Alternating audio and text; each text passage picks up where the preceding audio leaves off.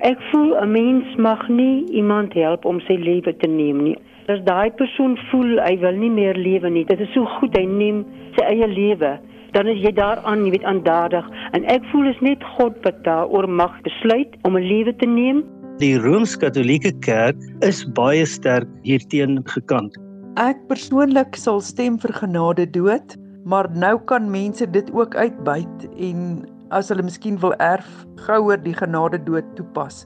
Dit sou bykans onmoontlik wees om te verseker dat alle dade van genade dood werklik vrywillig is. Daar is baie ander goed nodig om in plek te wees voor ons enigsins eintlik hierdie gesprek rondom ja of nee vir wettiging kan voer.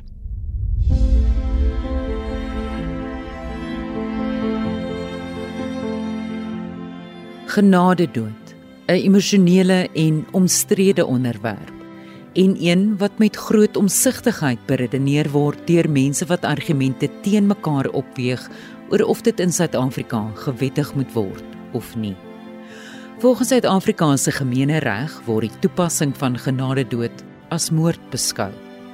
Groepe wat sterk daarteen gekant is, fokus hulle argumente op morele, etiese en godsdienstige waardes en meen dat die wettiging daarvan moontlik misbruik kan word indien regulasies nie behoorlik toegepas word nie. Groepe wat hulle daarvoor beywer, berus hulle hoofsaaklik op regte wat in die Suid-Afrikaanse grondwet onderskryf word: 'n mensereg om 'n besluit oor jou lewe en jou dood te mag uitoefen kenmerkend van mense is dat ons autonomie het en dat ons daai lewensplan uitleef en nie gewoon ons onderwerp aan ander wat vir ons dikteer wat om te doen nie. Ook teen die einde wanneer die dood onverwendbaar is, dat jy ook daar jou vryheid van keuse moet kan uitoefen in terme van jou gekose waardes. In 2012 stig professor Willem Landman, 'n buitengewone professor in filosofie aan die Universiteit van Stellenbosch, en professor Shaun Davison, 'n genadedoodaktivis, die nie-regeringsorganisasie Dignity SA. Ending your life is not easy. And so when someone makes a rational decision to do it, they've thought about it very carefully. They don't be told that they can't do it. Ons hoofdoel is om te kyk hoe kan ons help om bystand dood te wettig. In 2011 is Davison in Nieu-Seeland aan medies geassisteerde genadedood skuldig bevind nadat hy sy ma wat terminaal siek was gehelp het om te sterf. Hy is tot 5 maande huisarrest gefonnis. In Suid-Afrika is Davison in 2019 skuldig bevind aan 3 aanklagte van moord nadat hy 3 ernstig siek pasiënte gehelp het om deur middel van genadedood te sterf.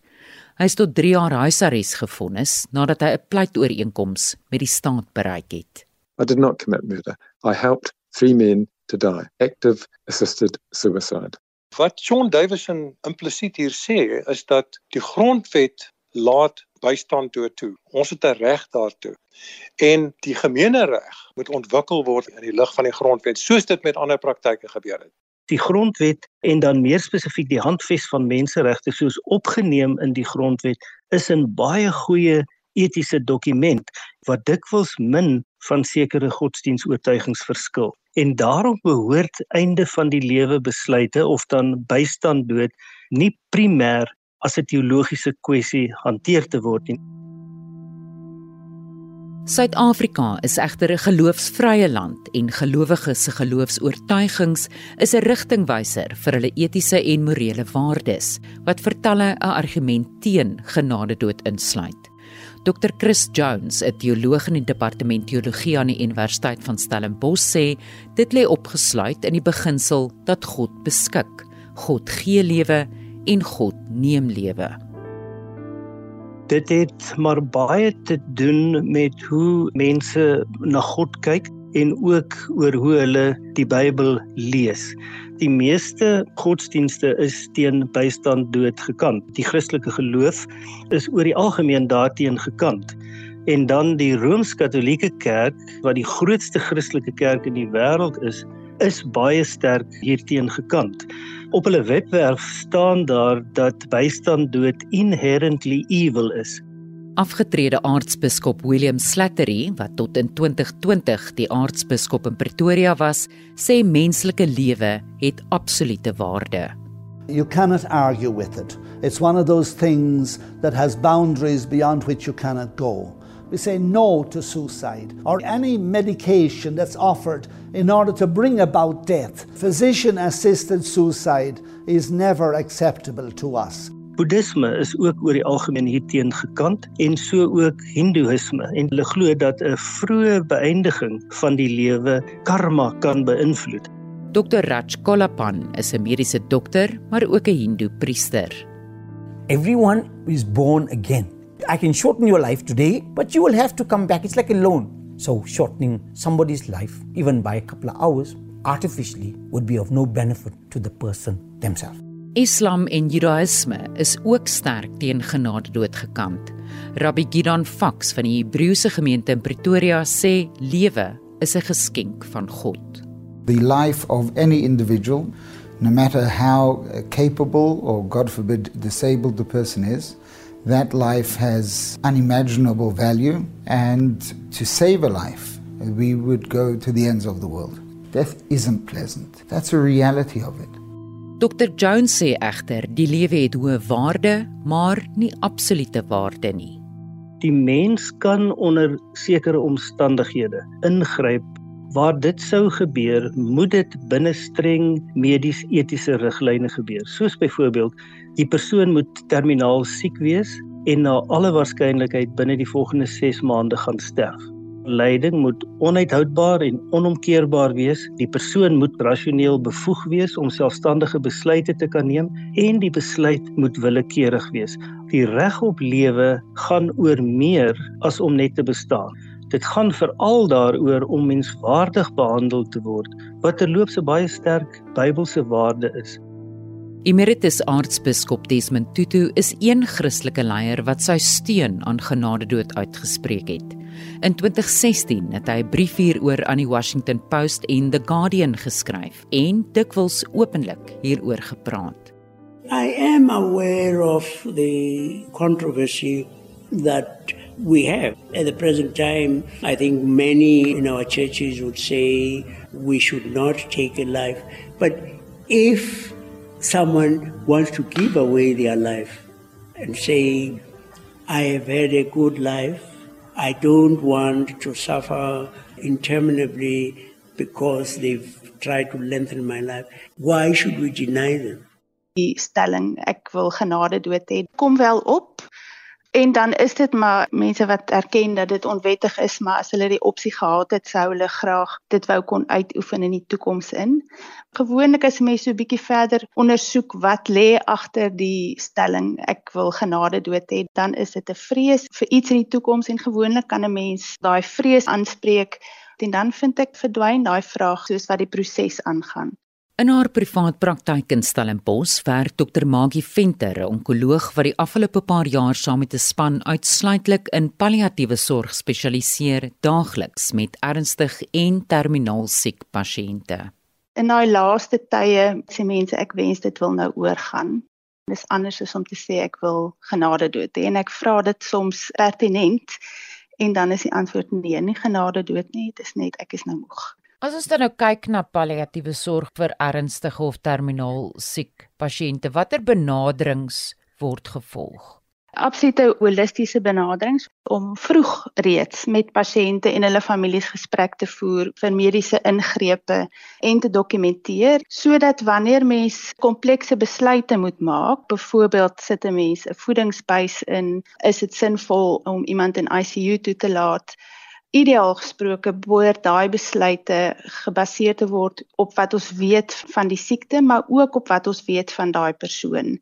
En soms is toelating tot ICU of dialyse of voedingsbuise nie die mees sinvolle besluit vir daai persoon nie, want dit gaan lyding uitrek. En ons rol regtig is nie om lyding onnodig uit te rek nie, maar ook nie om die dood te haas nie daai gesprekvoering en dokumentasie daarvan met die pasiënt wanneer hulle nog self kan deel wees van daai gesprek is baie belangrik. En as daai besluite geneem moet word op 'n stadium wanneer die persoon nie self dit mee kan doen nie, maar die familie moet daai besluite maak, dan is dit eintlik maar die uitvoer van daai pasiënt se wens. Maar Dignity SA se professor Landman voel sterk daaroor dat palliatiewe sorg nie in alle gevalle lyding voldoende kan verlig nie. Ek dink dis een van die belangrikste etiese argumente vir bystand dood. Vir party is 'n sterwe 'n proses wat vreedsaam verloop. Vir ander is dit iets wat angswekkend is. Die wat inleiding sterf en dit kan fisiese pyn, dit kan geestelike pyn wees. Dit kan nie getemper word op 'n wyse wat vir die persoon wat deur die lyding gaan aanvaarbaar is nie. En ek het statistieke byvoorbeeld uit die Verenigde Koninkryk. 17 mense sterf daagliks met ondraaglike lyding. En ek wil dit nie eers oor die radio beskryf wat dit behels nie. Maar as 'n mens nie weet nie met jouself daarvan vergewis voor jy standpunt inneem daarteenoor dat lyding nie 'n genoegsame rede is om selfdood te pleeg nie. Palliatiewe sorg kan net in hierdie gevalle tot op 'n sekere punt effektief wees. Dokter Venter sê egter pyn en lyding kan in sowat 9 uit 10 gevalle goed onder beheer gehou word met palliatiewe sorg. Soms sukkel mense om by werklike rustige, simptoomvrye einde van die lewe periode te kom, maar meerendeels kan goed soos pyn en naarheid onder beheer gehou word met medikasie en die insette van die res van die span.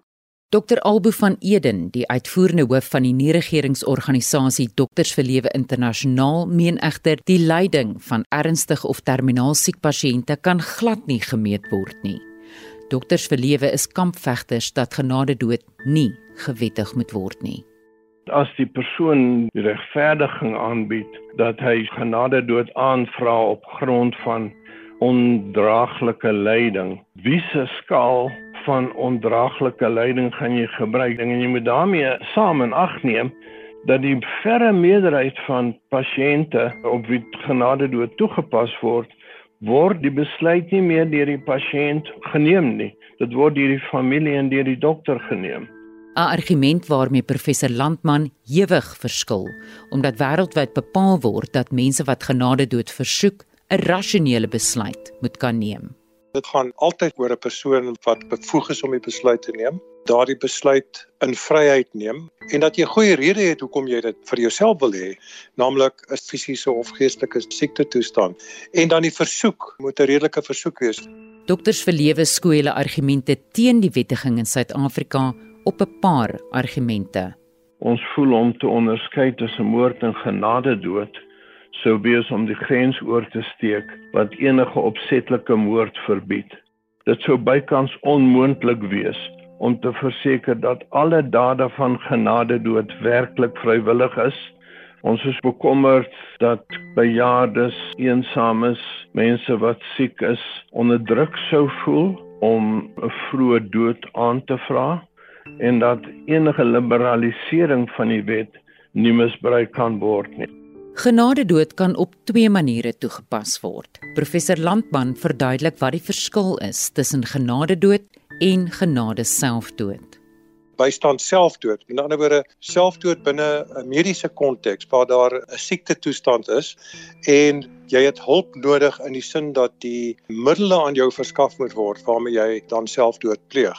En die tweede is dan wat ons noem genade dood. Dit is wanneer jy ook vrye keuse maak om bygestaan te word om te sterwe, maar die finale stap is iets wat iemand anders vir jou doen, byvoorbeeld deur middel van 'n inspuiting. Die twee verskil in terme van die finale stap wat tot jou dood lei. Internasionaal is genadedood en genade selfdood wettig in Kanada, sekere state van die VSA en Suid-Amerika, sekere state van Australië en Nieu-Seeland en in Europa in België, Nederland, Luxemburg en Spanje. Switserland wat ook buitelanders by klinieke toelaat, laat egter net genade selfdood toe. In Switzerland, the doctors are not involved. That's one of the defining features of Switzerland. The person is prescribed the medication and they take it themselves. That's quite common in other countries where the law is changing too.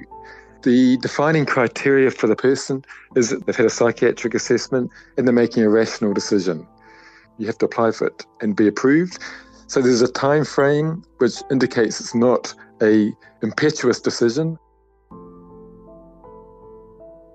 In September 2015 het Johan Beukes van Bloemfontein die 5de Suid-Afrikaner geword wat sy lewe met behulp van genade selfdood by Dignitas in Switserland beëindig het.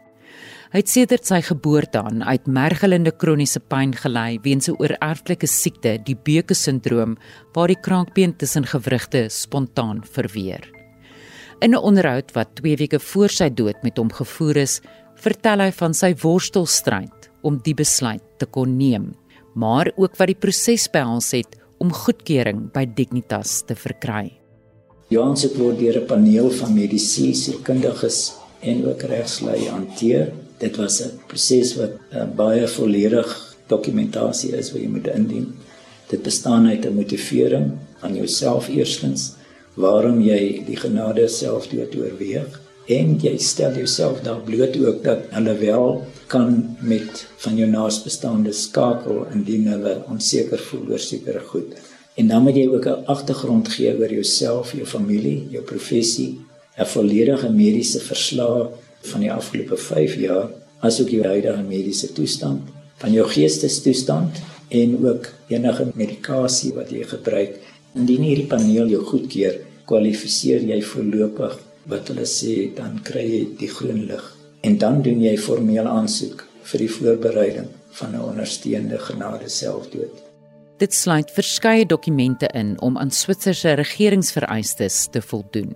Die pasiënt onderteken ook 'n dokument om mediese inmenging tydens die toediening van die middel te verbied. Jy moet ook vooraf die Switserse spesialis in Zurich ontmoet en dan ook die tweede opvolgbesoek 'n dag voor jou D-dag. Hy neem op band en video jou gesprek wat jy vra wat hy jou vra, neem hulle van jou op en hulle neem dit op tydens die proses daar ook. Many people who are granted an assisted death in Switzerland don't actually take it up. And this has been seen in other countries as well. They just want to know they have that option available. And they actually go on and die from a natural death. This is something known as the Oregon paradox. Oregon was the first state in the United States to change the law to allow for assisted dying. And there, after many years analysing the data, they show that 40% of the people applying for an assisted death and being granted one do not take up the option. If a law change is available, a person knows when they're suffering terribly at the end of life, they can have an assisted death, and they often don't go ahead and commit suicide, knowing they have that option available. Ek kan nie sien hoe die gemeenskap toelaat dat 'n sekere groep van mense genade dood toepas en ander groep nie. Op grond waarvan gaan jy vir 'n man in 'n dignitas eenheid toelaat om selfmoord te pleeg en die dwelmverslaafde op die 10de verdieping van 'n gebou wat wil afspring omdat hy nie van sy verslawing kan wegkom nie, sê jy nee nee nee, kom eerder binne dan gee ek vir jou 'n inspuiting. As jy selfmoord begin wettig en regverdig op een vlak, kan jy dit nie op 'n ander vlak wy nie. Wetgewing in die onderskeie internasionale lande waar genade dood wettig is, verskil en is oor jare in van die lande aangepas. In 2014 het België die eerste land geword om genadedood onder kinders van alle ouderdomme te wettig. Die kind moet egter die proses kan begryp en moet aan 'n terminale of ongeneeslike siekte of aan kroniese pyn ly. Belgium is considered probably the most liberal of all the laws, but it must be with parental consent under the age of 16. And there are certain medical conditions where the child's request and the parent's approval making sense and are quite quite compassionate. Sedert België genade dood in 2002 gewettig het, het meer as 26000 mense gesterf. Mense wat aansoek doen, moet aan 'n terminale siekte ly en onuithoudbare pyn hê met geen vooruitsig op herstel nie. Sedert genade dood in 2016 in Kanada gewettig is deur middel van sy program wat as MAID bekend staan, het meer as 30000 mense gesterf. In 2021 is die wet aangepas om buitenterminaal siek pasiënte, ook mense in te sluit wat aan ernstige en kroniese siektetoestande ly wat nie lewensbedreigend is nie. In dieselfde jaar het 10000 mense met behulp van genade dood gesterf. Dit raak 'n monster wat eenvoudig hande uitdruk. Selfs al sê jy 'n tweede dokter moet sy toestemming gee, dit is net te maklik vir 'n tweede dokter om 'n rubberstempel te sit. Dit doen hulle in ander lande. In Kanada het die hoeveelheid aansoeke vir genade dood met 40% toegeneem en daar is op die oomblik 27 daaglikse aansoeke vir genade dood. Die Kanadese regering het vereers sy plan om ook geestesgesondheidsiektes in die kriteria in te sluit op ys geplaas. Maar dit het 'n debat ontketen of dit dalk te maklik is vir kwesbares om aansoek te doen om met die hulp van genade dood te sterf. Die soeklig is onder meer geplaas op Amir Farshoot se genadedood aansoek in Augustus verlede jaar. Hy leef met uitmergelende onbehandelbare rugpyn wat hom vir genadedood laat kwalifiseer. Liggaamlike lyding weens 'n gestremdheid wat nie verlig kan word nie. Maar Amir wou nie om mediese redes sterf nie. I always assumed that eventually the pain would outgrow the meds, and barring some kind of fatal illness or injury, my eventual cause of death was going to be made. Then I became face to face with impending homelessness. And the one thing that I knew for sure was that I was not going to be homeless. If my choices were being homeless or being dead, it was going to be dead. Die huis wat Amir vir jare lank met ander mense gedeel het, is verkoop en hy kon nie ander behuising bekostig met die gestremdheidstoelaag wat hy van die Kanadese regering ontvang nie. As dwelmverslaafde in sy 20's het Amir vir 8 maande lank in Montreal op straat geleef en hy het besef hy sou nie weer met sy kroniese pyn op straat kon oorleef nie. While I have no idea what death is like, I knew full well what homelessness would be. And I also knew full well that in my present circumstances, my demise would be not a particularly pleasant one. From a detached, rational perspective, there was no choice. From an emotional standpoint, choosing to die is never easy. I don't think it is for anyone. So I had some soul searching and some rough nights and lots of crying and lots of stress and lots of anxiety and sleepless nights. Sy dokter het egter probeer om hom te ooreed om nie met die genade dood aansoek voort te gaan nie. You know, I told him, listen, buddy, your decision here isn't whether I'm going to live or die. Your decision is if I'm going to die by my hand in pain and agony and not quite knowing what the hell I'm doing, or if I'm going to die with the modicum of dignity. And on those terms, he pretty much said, okay, well, then I will sign off on it. I had to do a little bit of looking around to find a second doctor who would sign off on it, but I had lined one up Kanadese wetgewing vereis dat 'n 90 dae tydperk verloop tussen die dag van die aansoek en die uitvoering van genadedood vir mense wat nie terminaal siek is nie. 'n Maand voor die uitvoering van Amir se genadedood het hy 'n politikus se petisie vir beter gestremdheidstoelae op sosiale media onderteken en 'n kommentaar geskryf. 'n Paar sinne wat sy lewe gered het. Then the story broken in the media and everything changed. And this woman, out of the kindness of her heart, started this GoFundMe thing that raised tens of thousands of dollars, like overnight almost. And politicians started coming out of the woodwork to try and find me affordable housing. At present, the whole mate thing's on a back burner. My finances are stable, my housing is stable, I'm on priority status for affordable housing, and I've got the wherewithal to supplement my disability support payments to a livable. 'n Versoek soos die van Amir en talle ander Kanadese wat genade dood weens sosio-ekonomiese omstandighede aanvra, is wat in Suid-Afrika sal gebeur indien dit hier gewettig word, veral weens armoede en die land se hoë werkloosheidssyfer, sê Dr van Eden. Die samelewing raak al hoe meer onverdraagsaam met mense wat gebreke het. Die familie is al hoe meer selfgesentreerd. Dit sal dit geweldig moeilik maak om te weet wie teen hulle wil gedwing word om te vra vir selfmoord. 'n mens nou praat van autonomie en die individuele vlak is waarom besluit daai persoon op genade dood? Is dit omdat pyn ondraaglik is of is dit ander goed soos ek is 'n las vir my familie? Dit is steeds lyding, maar dit is lyding wat ons gemeenskap en ons samelewing behoort aan te spreek die uitkoms kan nie genade dood wees as ons samelewing ontbreek in daardie ondersteuningsstrukture nie. In die eerste plek het nie almal toegang tot mediese sorg nie wat nog palliatiewe sorg. So tot almal nie daardie opsie het nie, dink ek is ons nie geregverdig om genade dood as 'n keuse daar te stel nie, want daar moet 'n keuse wees. People will end up accessing it for reasons other than that their lives are about to end anyway. However, not having it available isn't going to fix that. And tying the two together and making it seem like it's an either or for me is a very sort of disingenuous argument. You can have MAID and also improve palliative care so that people are less likely to use MAID.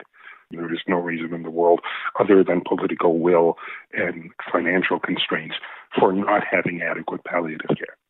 Ons vind dat die versoek na genade dood is werklik 'n uitroep wat sê gee iemand nog om vir my. Hulle het gevind dat as pasiënte ontmoedig word om selfmoord te pleeg, dat net 4% van hulle volhard om dit nog steeds te doen. If I did not have access to MAID, I would have killed myself. I'd already bought the helium canister and the Ziploc bag and the handcuffs and the duct tape and all of that and read up on it. And I was going to die anyway. MAID isn't what determines whether you live or die. MAID is what determines whether you die poorly or you die well. In Suid-Afrika sal die debat oor die wettiging van genadedood bly voortwoed totdat daar uitsluitsel gegee word in ons howe of in die parlement prakties gesproke in my werk langs mense in 'n siekbed is hierdie baie minder van 'n kwessie as wat uitgemaak word. Daar is baie ander goed nodig om in plek te wees voor ons enigsins eintlik hierdie gesprek rondom ja of nee vir wettiging kan voer. Ons kan nie etiese morele godsdienstige oorwegings laat deurslag gee nie die grondwet se interpretasie is die belangrike ding wanneer ons eenvoudig ontslaa raak van hierdie mense, dan skep ons 'n koue genadeloose samelewing. We are quite optimistic South Africa will be the next country to change the law. These high court cases coming up will set legal precedences and may be challenged by the government at the Supreme Court of Appeal, but we are certain the Constitutional Court will ultimately instruct Parliament to change the law. Genade dood om te sterf met genade is 'n reeks van 2 episodes vervaardig en aangebied deur Estie de Klerk met klankontwerp deur Danny Boysen.